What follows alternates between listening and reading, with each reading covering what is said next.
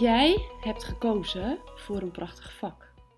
Pleegkinderen een thuis geven en ervoor zorgen dat zij de zorg ontvangen die ze nodig hebben. Jij regelt het, jij zorgt ervoor en jij geeft alles wat jij in huis hebt aan de pleeggezinnen die jij begeleidt. En ook aan jouw collega's. Je geeft ze de dikste knuffels, het grootste stuk taart en extra tijd en aandacht om hun verhalen en hun zorg te delen die je misschien helemaal niet hebt. En ondertussen ren jij van hot naar her, drink jij een koude kop thee en rijd je te laat weg bij het pleeggezin dat jouw tijd echt nodig had om vervolgens gehaast op het nippertje aanwezig te zijn bij de gymuitvoering van je dochter. Jij hebt zoveel te geven en dat is de reden dat jij voor dit vak koos. Je geeft zo graag, je zorgt graag voor een ander. Maar wat nou als de manier van zorg verlenen ervoor zorgt dat jij te veel draagt, waardoor jij niet de ruimte hebt om te doen waarmee je echt impact maakt in jouw pleeggezinnen? In deze podcast neem ik je mee in mijn visie hierop vanuit een verhaal van vroeger over de biefstuk van mijn opa. Luister maar. Laat ik deze podcast dus beginnen met een verhaal over biefstuk. Mijn moeder vertelde wel eens over haar vader, mijn opa, die ik nooit heb gekend. En een van die verhalen ging dan over dat hij op zondag soms biefstuk op zijn bord kreeg. Maar de kinderen kregen dat niet. Dus mijn moeder en haar broer en haar zus wilden eigenlijk graag ook biefstuk, maar kregen geen biefstuk. En als ze dan vroegen aan hun vader om een hapje te mogen proeven, dan kregen ze een klein hapje. En wanneer ze dan nog een hapje vroegen, omdat ze het zo lekker vonden, kregen ze als antwoord: die smaakt hetzelfde als het eerste hapje. Met andere woorden, ze kregen niet nog een hapje, want die zou toch hetzelfde smaken als het eerste hapje. Maar punt was, de biefstuk was en bleef van mijn opa. En hier wil ik het bruggetje maken naar hoe wij dat nu doen. Wij als de collectieve wij in onze huidige maatschappij. Wij zorgen voor elkaar. Uh, we geven de grootste aardbei uit het bakje aan ons kind.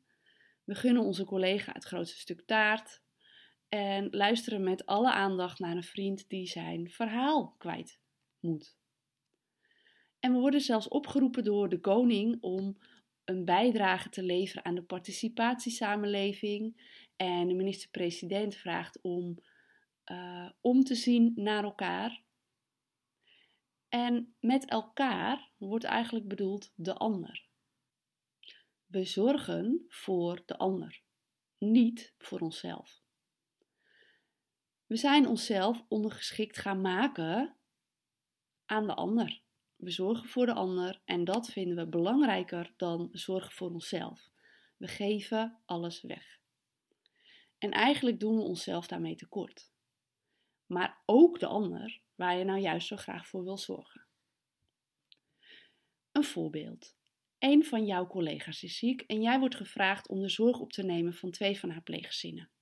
Natuurlijk doe je dat, hartstikke mooi. Maar ondertussen is je collega toch wat langduriger ziek dan verwacht en neemt een andere collega ontslag waar, je, uh, of waar nog geen vervanger voor is gevonden.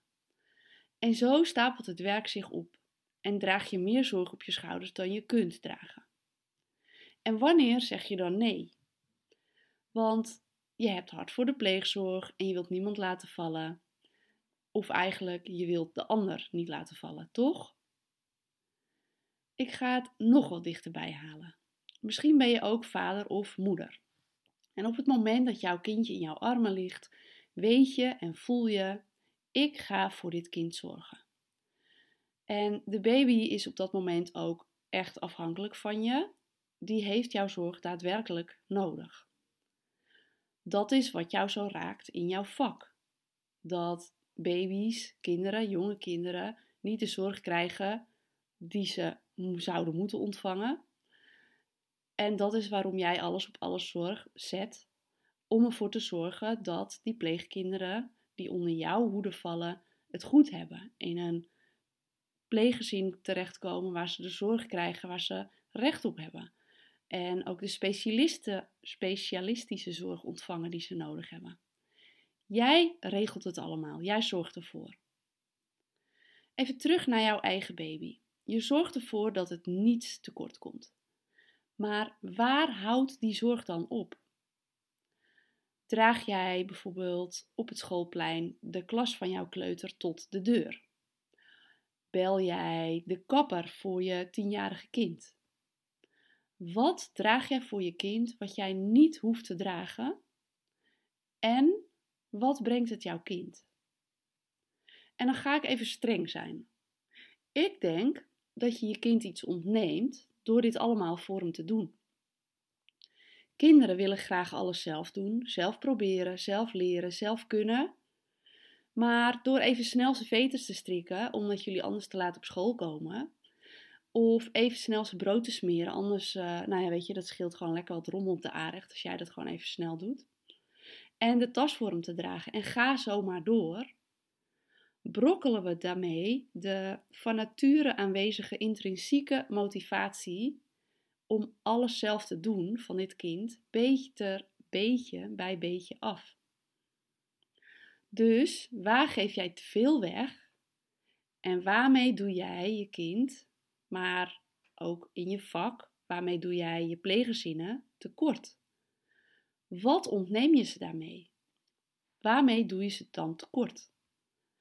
En aan de andere kant, wat draag jij dus allemaal op je schouders, waardoor jij niet meer de ruimte hebt in jouw agenda, in jouw werkweek, om die dingen te doen waarmee je daadwerkelijk impact gaat maken in jouw pleeggezinnen?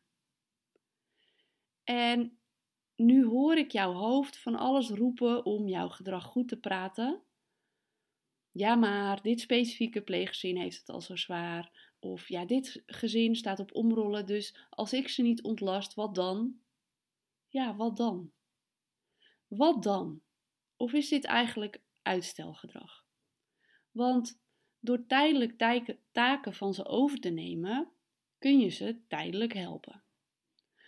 Maar je doet niet datgene waarmee je ze werkelijk helpt, waardoor ze op lange termijn dit wel zelf kunnen dragen. Pleegouders hebben een aantal taken die ze moeten vervullen om voor hun pleegkind te zorgen. Dat zijn grotendeels taken die ouders voor elk biologisch kind moeten dragen. En daar komen natuurlijk wat extra taken bij, zoals het onderhouden van contact met biologische ouders, uh, het kind een keer brengen naar afspraken met biologische ouders of uh, ja, de therapie, dat soort dingen. Maar dat is waar zij ja tegen gezegd hebben. En dat klinkt heel hard, maar op het moment dat jij ballen omhoog gaat houden, die niet door jou omhoog gehouden zouden moeten worden, ontneem jij jezelf de ruimte in jouw werkweek om datgene te doen om het verschil te maken in jouw pleeggezin. Dus wat gun jij je pleeggezinnen? En wat heb jij daarvoor nodig om dat te kunnen faciliteren?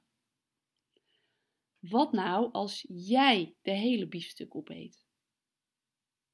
Ja, wat nou als jij de hele biefstuk opeet? Hoe voelt dat dan? Heb je dan schuldgevoel? Waar heb jij de grenzen van het geven een beetje opgerekt? Vanuit liefde, dat snap ik helemaal. Waardoor je dingen doet voor je kind, voor je pleeggezinnen, die eigenlijk niet door jou gedaan hoeven te worden. Maar je neemt het op je omdat je zo graag zorgt, de ander zo graag ontlast. Maar welke gevolgen heeft dit voor jou en voor jouw gezin en voor jouw pleeggezinnen? Als jij succesvolle zorg wilt bieden, dan vraagt dit van jou dat je fit bent. Dat je jouw tijd en kennis effectief inzet. En dus keuzes maakt om die tijd te creëren in jouw agenda. Dus wil je om te beginnen die extra taakjes die je met liefde deed, niet een keer terugleggen bij degene die ze prima zelf kan dragen? Denk jij dat jij het verschil maakt door te helpen dragen?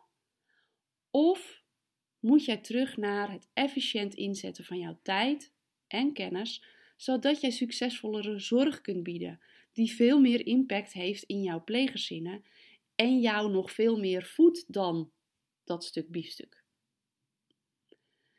Is het tijd om jouw tijd effectief te besteden? Stuur me dan een berichtje, dan praten we verder.